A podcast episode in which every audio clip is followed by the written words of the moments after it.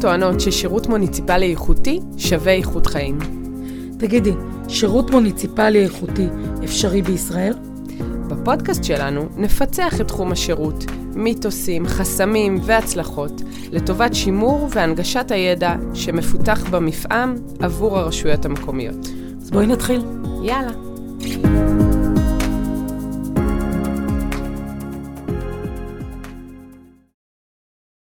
בוקר טוב, דקלה רוזנשטיין. שלומי. בוקר טוב, דבורית נבו. תקשיבי, זה לא יאומן. אנחנו הגענו לשלב האחרון במתודולוגיה הכה סדורה של הכנת עוגת השירות. וואו, ליאור, תן לנו תופים. במציאות זה דומה לשלב שבו מכניסות את העוגה לתנור.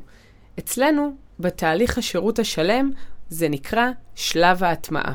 עד עכשיו בעצם יצרנו תשעה שלבים, שעשו אינטגרציה בין ארבעה תחומי תוכן, באופן מתודולוגי, וכך יצרנו תפיסת שירות ומאפייני שירות ייחודיים לרשות שלנו.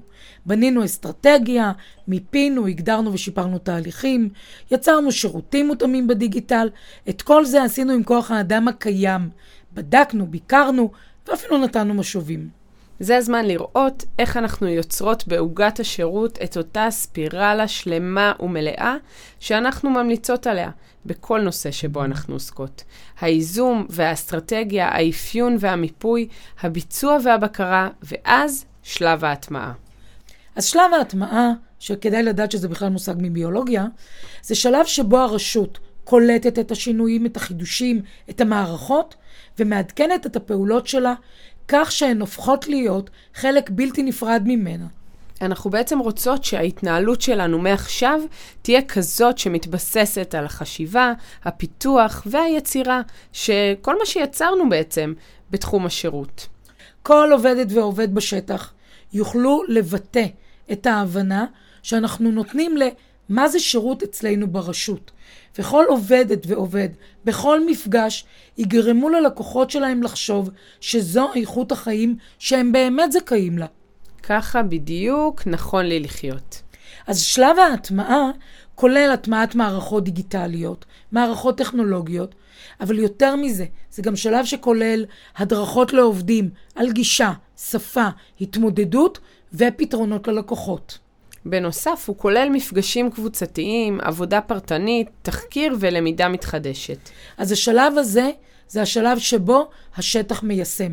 העובדות והעובדים שלנו, או הלקוחות, תלוי מה התחום שאנחנו מטמיעים, לומדים לעשות משהו חדש, או משהו באופן אחר, שעד עכשיו הם לא עשו את זה.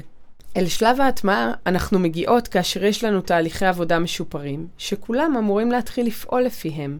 בין אם זה נוהל חדש לטיפול בפנייה או מערכת דיגיטלית. זאת אומרת שסיימנו לחשוב, סיימנו לתכנן, סיימנו לפתח, והנה אנחנו יוצאות לדרך. כמו באפייה, כל מה שהיה צריך להכין ולהכניס לבלילה בוצע, ועכשיו מכניסות לתנור. וצריכות לחכות בסבלנות באפייה, אבל פה אין לנו סבלנות, אנחנו בהטמעה. השלב הזה הוא המהות, הוא המרכז, הוא העבודה של מנהל או מנהלת השירות. זה ניהול השירות ברשות. כי זה בעצם התהליך הספירלי שאנחנו חוזרות ואומרות. זה התהליך שבו כל הזמן יש מה לעשות, יש להדריך, יש לבחון, יש לראות איך יוצרים הטמעה כך שכל הארגון מדבר ופועל באותה שפה. אז מה כדאי שיהיה לנו בשלב הזה של ההטמעה? כמובן תוכנית, תוכנית הטמעה מפורטת שכוללת את אותם מרכיבים שכוללת תוכנית העבודה. חשיבה ותכנון של התוכן והדרך, להתבונן על הדרכים והמכשולים ולחשוב על פתרונות יצירתיים. וכדאי מאוד שיהיו לכם גם חלקים פיזיים מעודדים ומכוונים כמו דפי הסבר, או מדריכים למשתמשים, או אפילו קצת קישוטים ברחבי הרשות המקומית. אנחנו לא ניכנס כאן באמת לכל העשייה המקיפה שאפשר לעשות בשולי ההטמעה. זאת אומרת, אנחנו לא נפרט כאן איך צריך להיראות הדף, או מה צריך להגיד המדריך, אבל אנחנו רק נגיד מה צריך שיהיה, ומכאן סומכות עליכם שתיקחו את זה קדימה. כי נקודת המוצא שלנו לתהליך כולו, זה שהנה מיישמות את השינוי, והדרכים להניע אותו מבפנים החוצה. אנחנו מאמינות שהדרכה ולמידה הם תחומים בעלי ערך לארגון. תמיד, בכל נושא. אפשר לראות את זה כמובן בפעילות שלנו במערכת המפעמים, בבית הספר למקצועות השלטון המקומי, בכל ההובלה של מינהל הפיתוח במשרד הפנים, וכמובן בהקלטת הפודקאסט הזה. לנו ברור שאנשים אוהבים ורוצים להתפתח. אנשים אוהבים ללמוד, אנשים אוהבים להתעמק בתחום שבו הם עובדים. באמת אנחנו מאמינות שלאנשים חשוב להיות מקצוענים, ויותר מזה, שתהיה להם משמעות. ודיברנו על זה גם בפרק שבו דיברנו על שירות ועולם העבודה. אנחנו רואות קשר בלתי נפרד גם כאן בין יחידת השירות, מנהל השירות או מנהלת השירות, לבין יחידת ההון האנושי שיוצקים את אותה משמעות וחשיבות. זה המקום בו אגף השירות יכול לעשות modeling, להדגים ולהראות בארגון איך יוצרים קשרים הדוקים עם יחידות ועם עובדות ועובדים אחרים, כדי לקדם תחום שהוא תחום רוחבי ברשות. כמו שדיברנו על הפרט, אז גם לארגונים ורשויות ביניהם, יש צורך בידע ובהתקדמות להישאר מעודכן ורלוונטי למה שקורה, גם בקהילות שבהן הם פועלים, וגם להיות מחובר לידע שקורה מעבר לים ובתוך ישראל. להסתכל אחת על השנייה, ליצור בנצ'מארק ועם זה להתקדם. זה מה שמביא אותנו לקדם את הרשויות המקומיות לפתח תוכניות הדרכה ופיתוח פנים-ארגוניות. בעצם ההדרכה נועדה לקדם, לתת אפשרויות טובות יותר, ידע ארגוני ולהצעיד את הארגון קדימה. העמיתות שלנו, היקרות והמקצועיות במפעם השפלה, בהובלה של אלונה מרק, אמונות על תחום פיתוח ההדרכה ברשויות המקומיות. אנחנו נצרף לתיאור של הפרק הזה את המדריך המקצועי שלהם בנושא פיתוח ההדרכה. מה שאומר שמומלץ תמיד לבנות תוכנית הדרכה, בין אם זה קונקרטית להטמעה של שירות חדש או תהליך חדש, ובין אם תוכנית אה, הדרכה שטובה לרשות בכלל לקידום השירות ותפיסת השירות.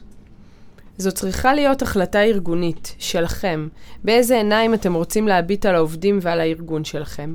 תשתמשו בכל המשאבים שעומדים לרשותכם, אנשים נוספים, מבני ציבור, משאבים פנימיים זמינים.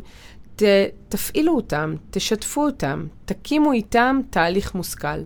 למשל, אצלנו בימת שירות אין תקציב בכלל להדרכה. זה היה עניין. כי אנחנו חיפשנו דרכים ובדקנו אופציות איך כן נוכל לקדם את השירות ואת תפיסת השירות ולהטמיע את זה בשטח בתקציבים המוגבלים שלנו. אז התחלנו מהמקומות שידענו שקיימים, שהם זמינים לנו, והם מקורות לידע מעולה, ידע ארגוני טוב. התחלנו עם אתר קידום איכות השירות, ומנהלת המוקד החדשה, יחד עם מנהל השירות, התעמקו באתר לניהול מוקדים, ובסוף הלכנו ובדקנו גם את התכנים שנמצאים זמינים באתר המיזם הלאומי 265. אלה מקורות מעולים לידע ארגוני, ואז פגשנו את הפודקאסט הזה, ושמחנו על הליווי החינמי שאתם, אה, אנחנו, מעניקות בפרקים. אז כינסנו ועדת היגוי, כמו שמומלץ, ועשינו יחד שעה של למידה שבועית, שזה תהליך פיתוח ארגוני חינמי, בעזרת הידע שמונגש באופן דיגיטלי. וכן, אתם יכולים לעשות עבודת עומק ברשות ולגייס מדריכות ומדריכים פנימיים, שייתנו מענה. זאת אומרת שכל תהליך ההטמעה יכול להתבצע בכמה אופנים. אפשר לעשות סימולציות, אפשר לעשות תחקיר, אפשר לעשות מה שאנחנו קוראים תחכים, אפשר לעשות אימון אישי לבעלי תפקידים ייחודיים. יש הרבה מאוד דרכים להפעיל את הדבר הזה בלי להישען על הצורך לגייס משאבים אקסטראורדינריים. אני אגיד יותר מזה, כשאנחנו מוצאות ומוצאים בעלי תפקיד בתוך הרשות המקומית ונותנים להם את המקום, את היכולת להוביל ולעשות משהו בנוסף על תפקידם שהוא לא משימה אפורה, אלא להפך, זה מכפיל כוח. הם יכולים להיות מנטורים, הם יכולים להיות חונכים, אותם מצוינים בתפקיד שלהם, אלה שאולי לקחו בעלות על תהליך דיגיטלי או על תהליך שירות, והם עצמם יכולים לוודא הטמעה רוחבית אצל הקולגות שלהם. תראו, הדבר שאנחנו מבקשות לזכור הוא שהאויב של הטוב מאוד הוא המצוין. אל תחפשו את המושלם, תחפשו את הטוב מספיק ונכון לכאן ועכשיו, גם אם אתם רוצים למצוא יועץ או יועצת או חברה שתעזור לכם, זה מצוין, אבל אם לוקח לכם להתקשר עכשיו חצי שנה, אל תחכו, תתחילו עם מה שיש. תראו, הרבה פעמים זה השלב שמגיעים אליו קצת עייפים. זה שלב שנגמרת האנרגיה. תחשבו על כל תשעת השלבים שמנינו עוד קודם, משלב גיוס ההנהלה וגיוס ועדת ההיגוי וכל התהליכים של מסעות הלקוח. בבקשה, לא לעצור עכשיו. קחו אוויר, תמשיכו את הפעילות. לא לחכות עד שהעניינים יסתדרו. הכנסתם את העוגה לתנור, התהליך התחיל. יש מצב שהקצב טיפה יואט, יש מצב שעוד מעט נגביר חזרה את הקצב. תזכרו, fine tuning, תיקון של נוהל או תרשים זרימה או מבנה ארגוני, תמיד אפשר לעשות. אבל מגמת ההתקדמות היא המגמה שאיתה אנחנו ממשיכים ולא מחכים שיהיה סגור הרמטי. מצוין. אז מה היה לנו היום? זה הזמן לכתוב. זה הפרק שבו דיברנו על סגירת תהליך סגירת עוגת השירות.